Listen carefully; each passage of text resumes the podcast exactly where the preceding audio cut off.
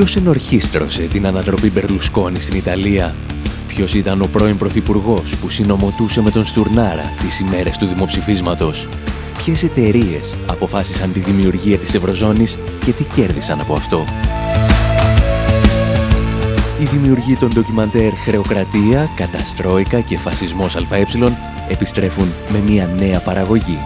This is not a coup. Δεν ήταν πραξικόπημα, είναι η Ευρωπαϊκή Ένωση. Μάθε πώς μπορείς να βοηθήσεις και εσύ την ολοκλήρωση του ντοκιμαντέρ στη διεύθυνση infowarproductions.com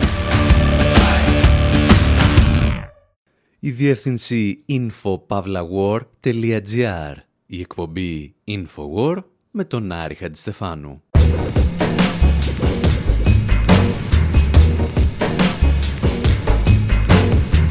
Όπου σήμερα αποφασίσαμε διασήμαντον αφορμή να σας διηγηθούμε ιστορίες για τον Sherlock Holmes.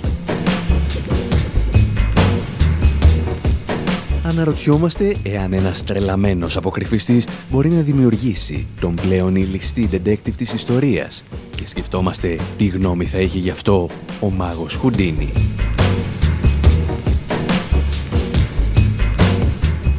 Στέλνουμε τον Dr. House να πολεμήσει στον πόλεμο των Boer και εμείς διηγούμαστε ιστορίες από την επιστημονική επανάσταση της Βικτοριανής Αγγλίας.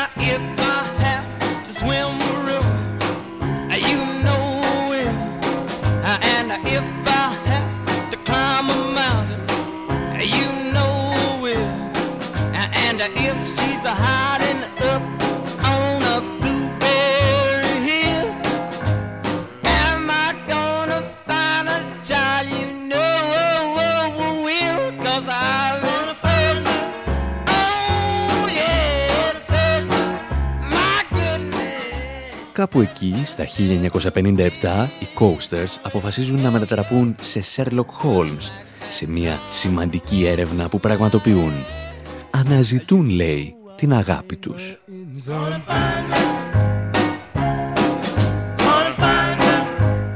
Στο τραγούδι τους αναφέρουν και καμιά ντουζίνα ακόμη αστυνομικούς και detective, οι οποίοι θεωρητικά θα μπορούσαν να βοηθήσουν το δύσκολο αυτό έργο.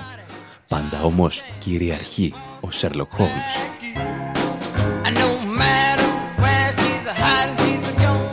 Γιατί ο ήρωας του Σερ Άρθουρ Κόναν Ντόιλ θα γεννηθεί το 1887 και έκτοτε δεν θα ξεχαστεί ποτέ.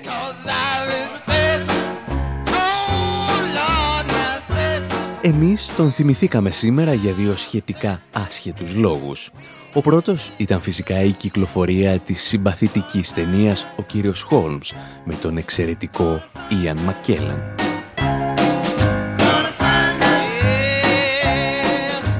Ο δεύτερος λόγος είναι ότι ο Σέρλοκ Χόλμς, αν και νεκρός εδώ και καιρό, επιχειρεί ακόμη και σήμερα να λύσει μία υπόθεση που αφορά το σπίτι του, στον αριθμό 221β της Baker Street.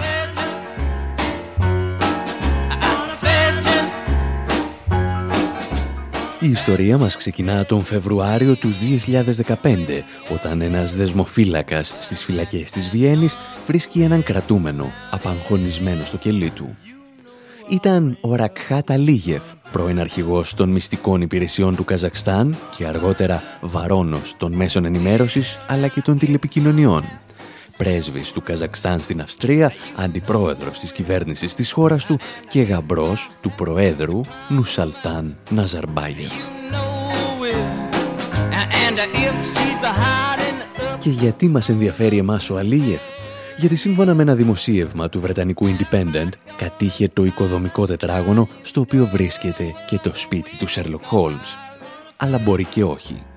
Γιατί στην πραγματικότητα η είδηση είναι ότι κανένας δεν ξέρει σε ποιον ανήκει ένα από τα ακριβότερα οικοδομικά τετράγωνα στον πλανήτη.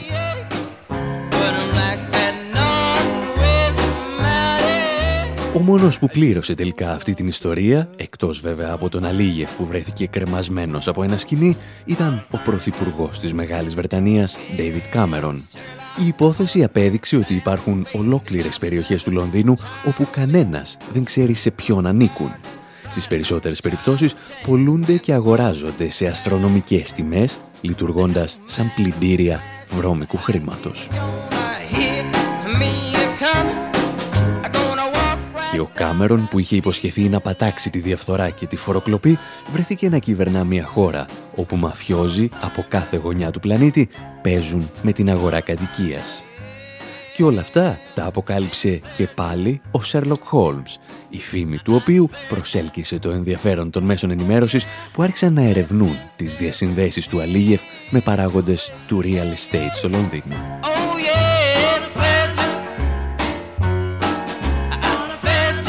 Τελευταία αυτή υπόθεση του Sherlock Holmes διαλευκάνθηκε καθώς το κυρίαρχο οικονομικό σύστημα διανύει μία από τις πιο παρασιτικές φάσεις της ιστορίας του. Ένα μαφιόζικο σύστημα που αντικαθιστά την παραγωγή με τη σπέκουλα. Στα πρώτα χρόνια της επαγγελματικής του πορείας όμως τα πράγματα ήταν διαφορετικά. Και γι' αυτόν τον Sherlock Holmes του 19ου αιώνα θα μιλήσουμε σε λιγάκι.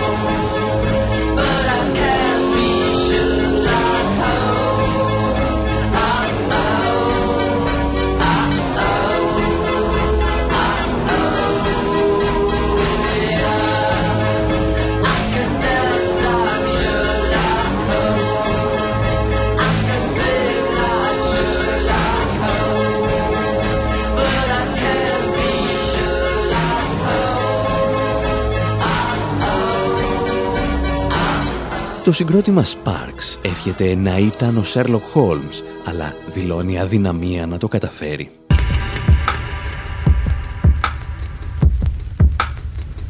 Η αλήθεια είναι ότι ο Sherlock Holmes γεννήθηκε και εκπροσώπησε μια άλλη εποχή.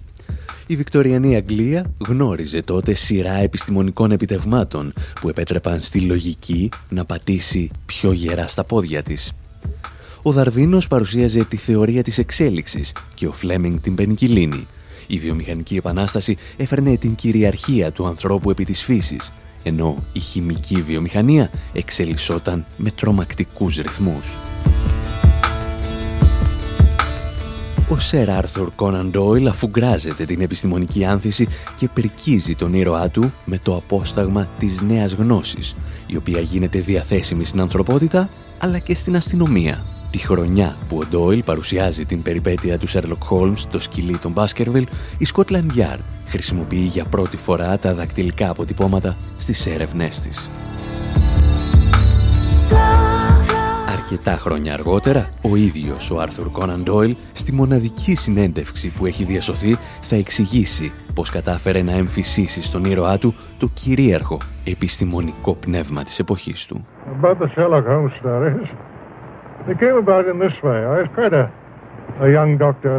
Οι ιστορίες του Sherlock Holmes προέκυψαν ως εξής. Ήμουν κι εγώ ένας νεαρός γιατρός με επιστημονική κατάρτιση. Διάβαζα συχνά ιστορίες με detective και πάντα εκνευριζόμουν από το γεγονός ότι έλυναν τις υποθέσεις είτε από καθαρή τύχη είτε χωρίς να εξηγούν πώς τα κατάφεραν. Θέλησα λοιπόν να φέρω την επιστήμη στο χώρο της αστυνομικής έρευνας.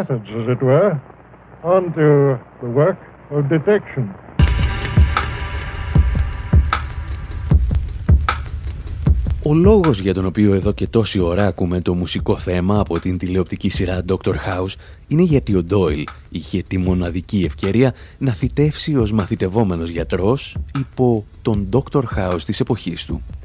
Τα εξηγούσε όμως και πάλι ο ίδιος. And I used, as a student, uh, to have a old professor, his name was Bell,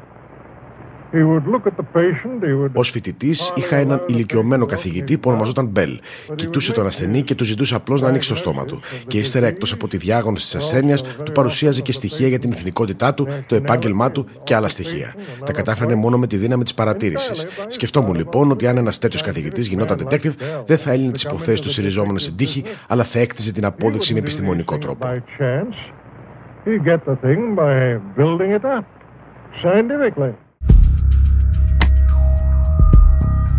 Μήπως λοιπόν όλες αυτές οι ιστορίες περί επανάστασης των επιστημών κάνουν τον Σέρλοκ Χόλμς κομιστή της προόδου και σε κοινωνικό επίπεδο; Η απάντηση είναι κάθε άλλο. Ο Σέρλοκ Χόλμς αντικατοπτρίζει τα νέα μεσαία και ανώτερα στρώματα της καπιταλιστικής Αγγλίας που ζούσαν υπό τη συνεχή απειλή ότι οι μάζες των φτωχών που εργάζονταν υπό απάνθρωπες συνθήκες σε εργοστάσια ίσως μια μέρα να ξυπνήσουν και να τους πνίξουν.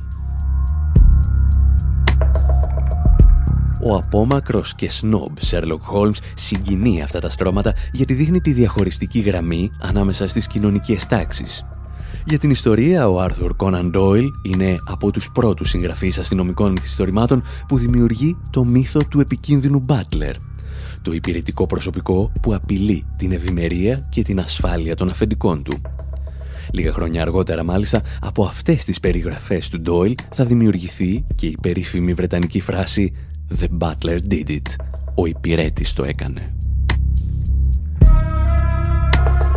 Τη στιγμή που ο Ντίκενς έπαιρνε το μέρος του προλεταριάτου και περιέγραφε τις άθλιες συνθήκες εργασίας της βιομηχανικής επανάστασης, ο Σερ Άρθουρ Κόναν Ντόιλ τασόταν αναφανδόν με τα αφεντικά. Για να καταλάβουμε όμως καλύτερα τι καθήκη ήταν ο Ντόιλ, θα μας επιτρέψετε να σας ταξιδέψουμε μερικούς αιώνες πίσω.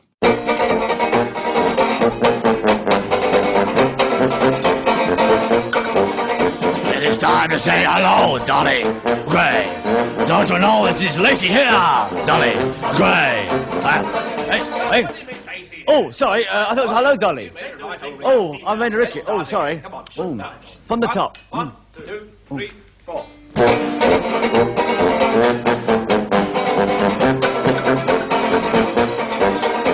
It is time to say goodbye, Dolly Gray. There's no need to ask me why, Dolly Gray.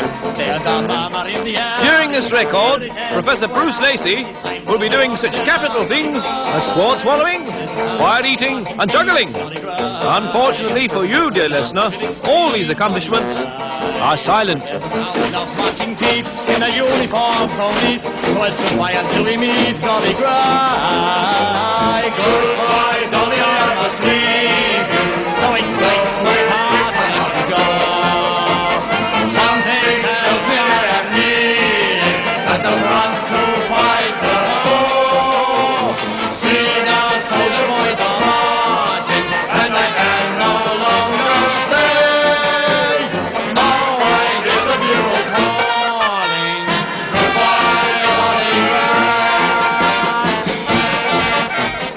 θυμάστε από προηγούμενες εκπομπές, οι αρκούντος τρελαμένοι κύριοι που ακούμε είναι οι Alberts, ένα μουσικό ντουέτο από την Αγγλία της δεκαετίας του 50 και του 60. Λέγεται ότι προσπάθησαν να συνδυάσουν τη μουσική του music hall με τη jazz και τον σουρεαλισμό. Και βγήκε αυτό.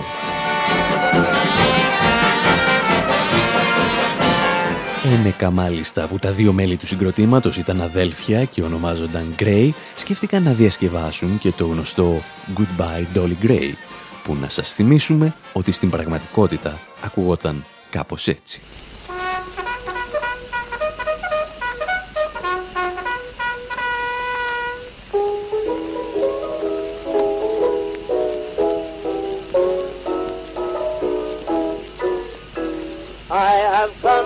Say goodbye, Dolly Gray. It's no use to ask me why, Dolly Gray. There's a murmur in the air, you can hear it everywhere. It is time to do and dare, Dolly Gray. Don't you hear the tramp of feet, Dolly Gray? Sounding through the village street, Dolly Gray. Is the tramp of soldiers true in their uniforms of blue? I must say goodbye to you, Dolly Gray. Το Goodbye Dolly Gray ήταν ο ανεπίσημος ύμνος των Βρετανικών στρατευμάτων που ταξίδευαν στη Νότια Αφρική για να πολεμήσουν στον πόλεμο των Μπόερ εναντίον των Ολλανδών επίκων. Για την ακρίβεια πήγαιναν να σφάξουν τους γεωργούς που είχαν επαναστατήσει και να εξασφαλίσουν τα πλούσια κοιτάσματα χρυσού της περιοχής για το Λονδίνο. Ask me why, Dolly Gray. Οι Βρετανοί επιχειρούν τότε μία μικρή γενοκτονία εναντίον των Μπόερ.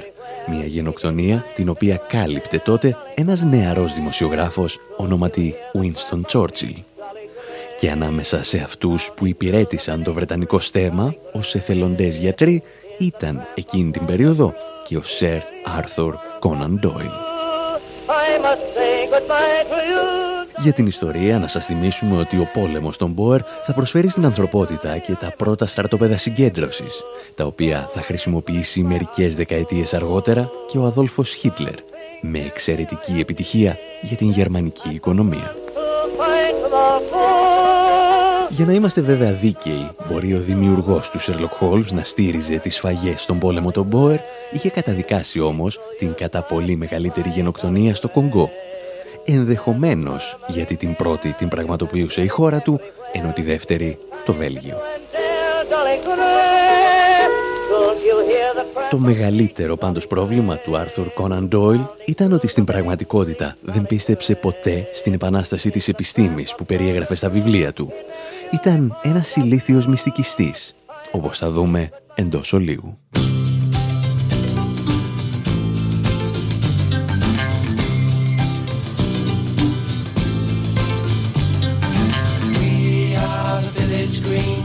Preservation Society. God save Donald Duck, Bonneville and Variety. We are the Desperate Dan Appreciation Society.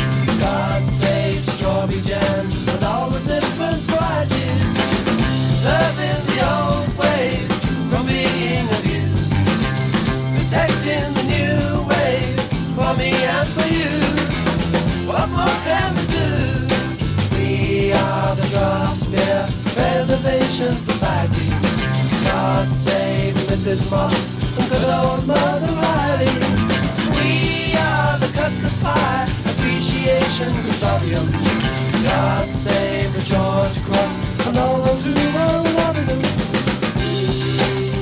Οι Βρετανοί Kings τραγουδούν και πάλι για τον Sherlock Holmes, εκφράζοντας την νοσταλγία τους για την παλαιά Αγγλία πριν από τη βιομηχανική επανάσταση. Και εμείς έχουμε λόγους να πιστεύουμε ότι αυτή την οπισθοδρομική Αγγλία ονειρευόταν κατά βάθος και ο Sir Arthur Conan Doyle, ο δημιουργός του Sherlock Holmes. Ο Ντόιλ ήταν πιστό μέλος μασονικών στοών στην Αγγλία. Αυτό όμως που τον διέκρινε από τους φυσιολογικούς ανθρώπους της εποχής του ήταν η παθολογική μανία του με τον πνευματισμό. Λέγεται ότι το έπαθε όταν έχασε τη γυναίκα του και το γιο του, δύο ανήψια και κάτι άλλο συγγενείς στις αρχές του 20ου αιώνα. Έπεσε τότε, λένε, σε βαθιά κατάθλιψη. Ως μόνη διέξοδο βρήκε την πίστη σε πνεύματα και φαντάσματα, ενώ δεν άφησε λέσχη για λέσχη πνευματισμού, στην οποία να μην έγινε μέλος.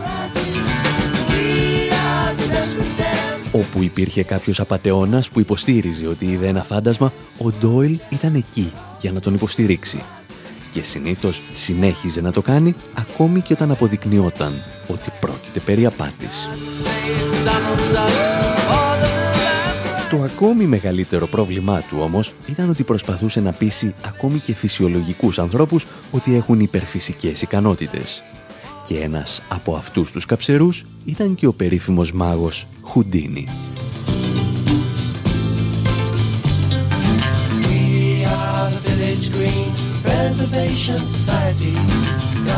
Ως επαγγελματίας διασκεδαστής, ο Χάρη Χουντίνι γνώριζε από πρώτο χέρι ότι δεν υπάρχει μαγεία. Η τέχνη του στηριζόταν σε οπτικές απάτες και έξυπνα τρίκ που παραπλανούσαν τις αισθήσεις των θεατών του. Όσες φορές και αν το εξήγησε όμως στον Ντόιλ, αυτός επέμενε ότι κατά βάθος διέθετε πραγματικά μαγικές ικανότητες και απλώς δεν το καταλάβαινε. Λέγεται ότι ο Χουντίνι άρχισε να εξηγεί στον δημιουργό του Sherlock Holmes ένα προς ένα τα τρίκ που χρησιμοποιούσε. Ακόμη και έτσι όμως δεν κατάφερε ποτέ να τον πείσει ότι δεν ήταν μάγος. Οπότε και προτίμησε να διακόψει κάθε επαφή μαζί του. Ο Άρθουρ Κόναν Ντόιλ είχε δημιουργήσει στα κείμενά του τον απόλυτο ήρωα που στηριζόταν αποκλειστικά στη λογική και την επιστήμη. Δύο έννοιες όμως, στις οποίες ο ίδιος δεν φαίνεται να πίστεψε ποτέ. Η Βικτωριανή Αγγλία ήταν το κομβικό εκείνο σημείο όπου η επιστήμη υποσχόταν να απελευθερώσει τον άνθρωπο. Οι κυρίαρχες τάξεις όμως που στηρίχθηκαν και απελευθέρωσαν τις δυνάμεις της επιστήμης ένιωθαν και τον κίνδυνο να χάσουν τα προνόμια τους.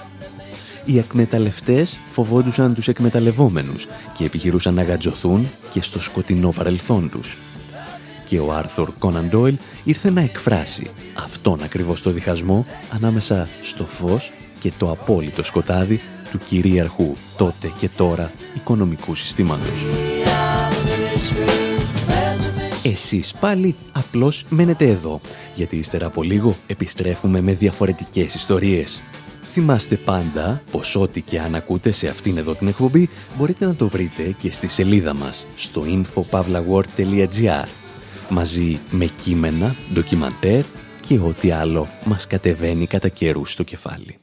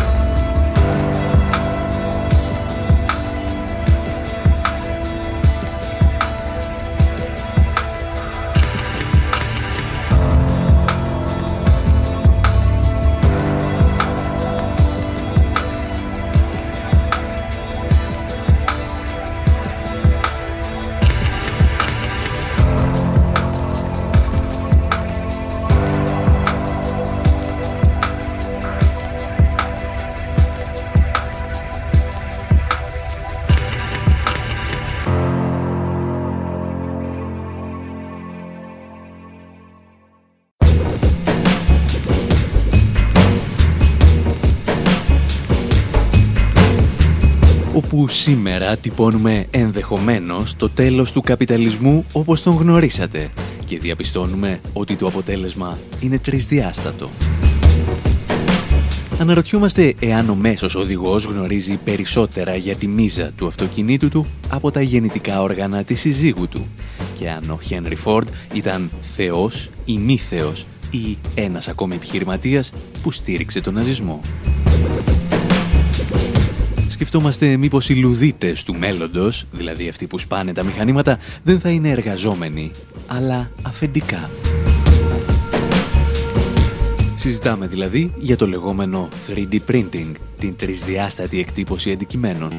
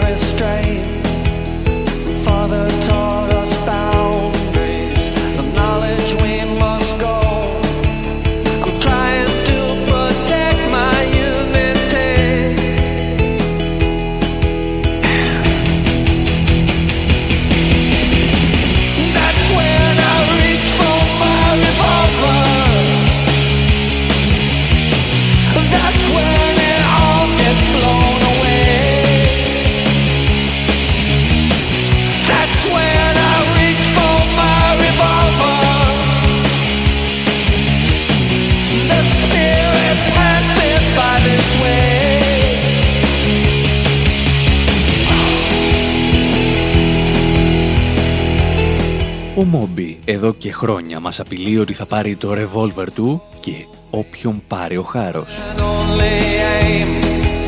Παραδόξως αυτό φαίνεται να είναι και ένα από τα αγαπημένα θέματα των δημοσιογράφων που ασχολούνται με το τεχνολογικό ρεπορτάζ στις Ηνωμένες Πολιτείες τους τελευταίους μήνες. Ο τελευταίος τους φόβος, τον οποίο όπως πάντα θέλουν να μοιραστούν μαζί μας, είναι ότι πολύ σύντομα ο καθένας μας θα μπορεί να κατασκευάσει στο σπίτι του το προσωπικό του όπλο. Και θα το κάνουμε, λένε οι καλοί συνάδελφοι, με έναν τρισδιάστατο εκτυπωτή. That's Αν δεν σας έχει απασχολήσει το θέμα, ένας τρισδιάστατος εκτυπωτής είναι μια συσκευή η οποία αφού λάβει από έναν ηλεκτρονικό υπολογιστή το κατάλληλο σχέδιο μπορεί να κατασκευάσει σχεδόν οτιδήποτε τη ζητήσουμε. Και για έναν περίεργο λόγο, οι Αμερικανοί δημοσιογράφοι πιστεύουν ότι οι κακοί αυτού του κόσμου θα αρχίσουν να κατασκευάζουν όπλα. These things are available in some cases for just a few thousand dollars. They're used in everything from healthcare to Αυτά τα μηχανήματα σε ορισμένες περιπτώσεις είναι διαθέσιμα για λίγες χιλιάδες ευρώ και χρησιμοποιούνται από την αρχιτεκτονική μέχρι τον κλάδο υγείας και την κατασκευή παιχνιδιών. Εάν λοιπόν υπάρχει κάποιος που μπορεί να το αγοράσει, στη συνέχεια μπορεί να κατεβάσει εύκολα από το ίντερνετ τα σχέδια για την κατασκευή ενός όπλου. Το βάζεις στο μηχάνημα και πριν το καταλάβεις, έχεις στα χέρια του ένα παράνομο όπλο και όλα τα προβλήματα που αυτό συνεπάγεται.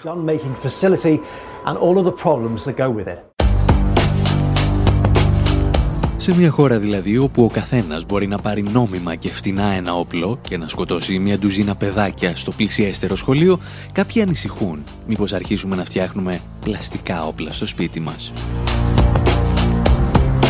Αν υπήρχαν τα ίδια μέσα ενημέρωσης στην προϊστορική εποχή, θα υποστήριζαν πιθανότατα ότι η ανακάλυψη του τροχού είναι επικίνδυνη γιατί θα αυξηθούν τα τροχαία δυστυχήματα ή ότι η ανακάλυψη της φωτιάς αυξάνει τη μικρή εγκληματικότητα γιατί ο καθένας θα κλέβει τον αναπτήρα του διπλανού του. Πιο απλά, οι καλοί συνάδελφοι δεν κατάλαβαν τίποτα από τη σημασία του θέματος. Η αλήθεια είναι βέβαια ότι τα δυτικά μέσα ενημέρωσης θα είχαν κάθε λόγο να φοβούνται το λεγόμενο 3D printing, αλλά για εντελώς διαφορετικούς λόγους. Όχι γιατί θα φτιάχνουμε όπλα και θα σκοτώνουμε όποιον βρούμε, αλλά γιατί η συσκευή αυτή θα μπορούσε θεωρητικά να σκοτώσει το καπιταλιστικό σύστημα παραγωγής.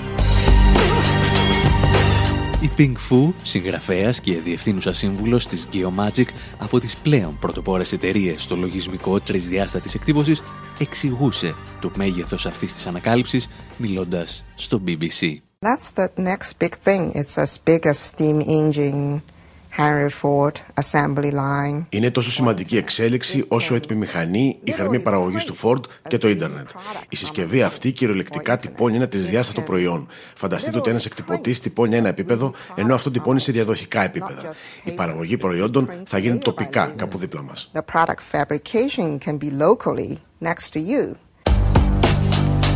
Η Pink Fu περιγράφει σε μία της πρόταση το τέλος των παραδοσιακών γραμμών παραγωγής που δημιούργησε πριν από σχεδόν έναν αιώνα ο Henry Ford.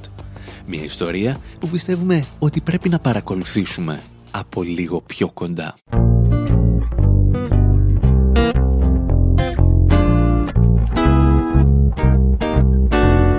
Do you all see what I see? Henry Ford's assembled us a Model T. Let's take a drive down American history, learn more about this Tin Lizzie.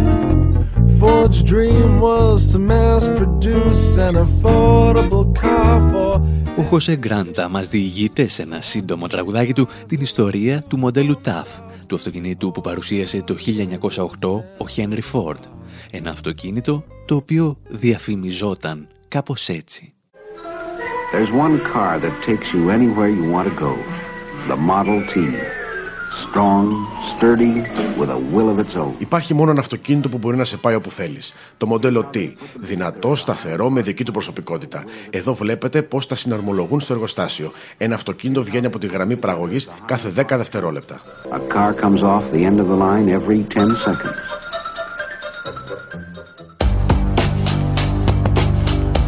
Η Αμερική ερωτεύεται το μοντέλο T και δεν μπορεί να το κρύψει. Δύο γενιές Αμερικανών, θα γράψει ο Τζον Στάινμπεκ, γνωρίζουν περισσότερα για τη μίζα του μοντέλου T παρά για τη γυναικεία κλητορίδα. Το μυστικό βέβαια του μοντέλου T δεν είναι η μίζα του, αλλά το χαμηλό κόστος του, το οποίο εξασφαλίζεται από τη βιομηχανική γραμμή παραγωγής που είχε εφεύρει ο Ford.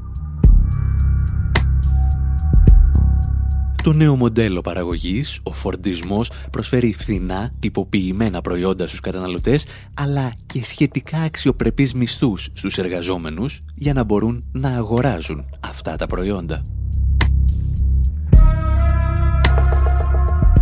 Το νέο σύστημα είναι τόσο επαναστατικό, ώστε ο Aldous Huxley θα στήσει πάνω σε αυτό το μνημειώδες έργο του «Ο θαυμαστός καινούριος κόσμος». Ο Φόρντ παρουσιάζεται εκεί σαν μεσίας και ο φορντισμός σαν θρησκεία. Οι τάφοι των ανθρώπων δεν έχουν πλέον σταυρό, αλλά ένα τεράστιο τάφ, ενώ τα ημερολόγια μετρούν τις χρονολογίες σε προ-Φόρντ εποχή και μετά Φόρντ εποχή. Και το ερώτημα είναι, φτάσαμε στο σημείο να ενταφιάσουμε οριστικά τον φορντισμό και όλες τις μετεξελίξεις του και να περάσουμε στην τρίτη βιομηχανική επανάσταση; Σύμφωνα με το περιοδικό Economist, βρισκόμαστε πολύ κοντά. Πιο συγκεκριμένες απαντήσεις όμως θα δώσουμε ύστερα από ένα μικρό διάλειμμα.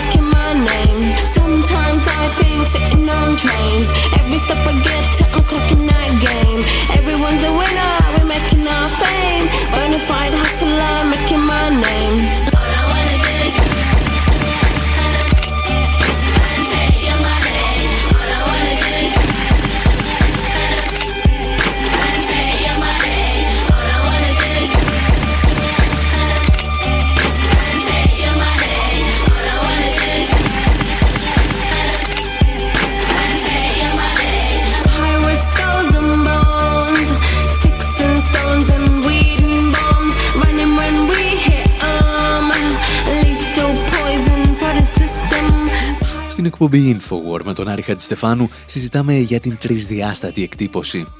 Αφήνουμε πίσω μας τις γραμμές παραγωγής του Ford και αρχίζουμε να τυπώνουμε τρισδιάστατα προϊόντα στο σπίτι. Και αυτό πιστεύουμε ότι μπορεί θεωρητικά να ανατρέψει ό,τι γνωρίσαμε από το οικονομικό σύστημα του σήμερα.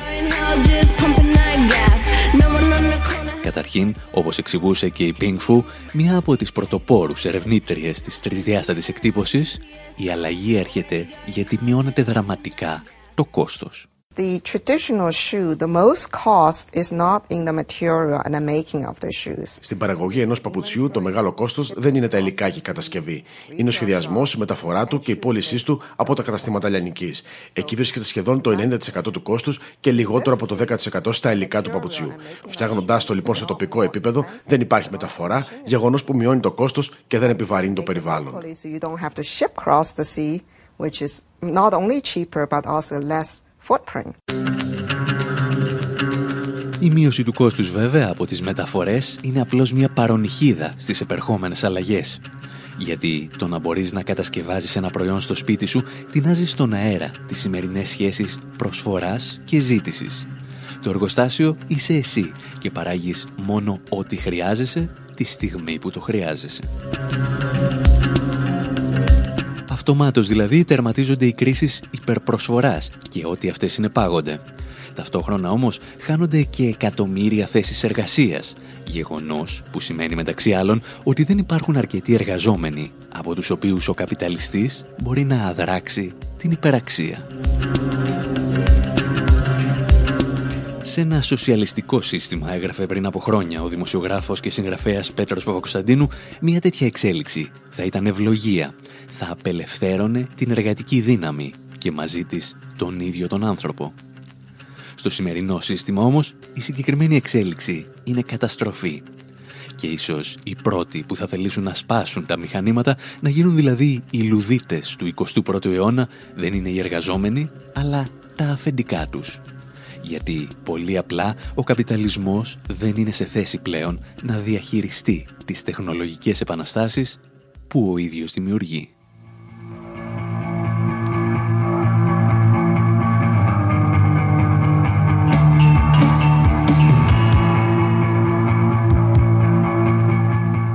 Και αυτοί, παρεπιπτόντος, αν θυμάστε, είναι οι Luddites, οι Λουδίτες.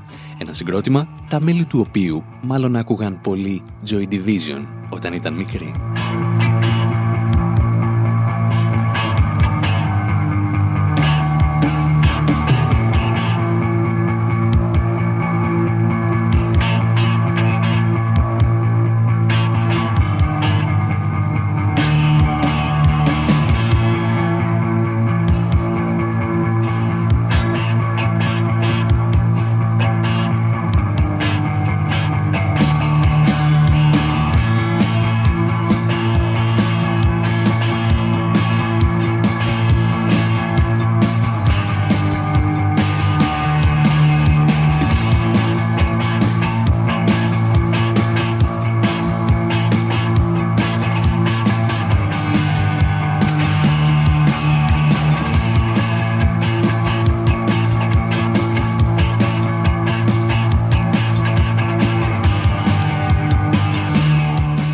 Σημείο αυτό όμως, όπως ίσως θα έχετε καταλάβει, έχουμε φτάσει απέναντι στο σημαντικότερο ερώτημα αυτής εδώ της εκπομπής.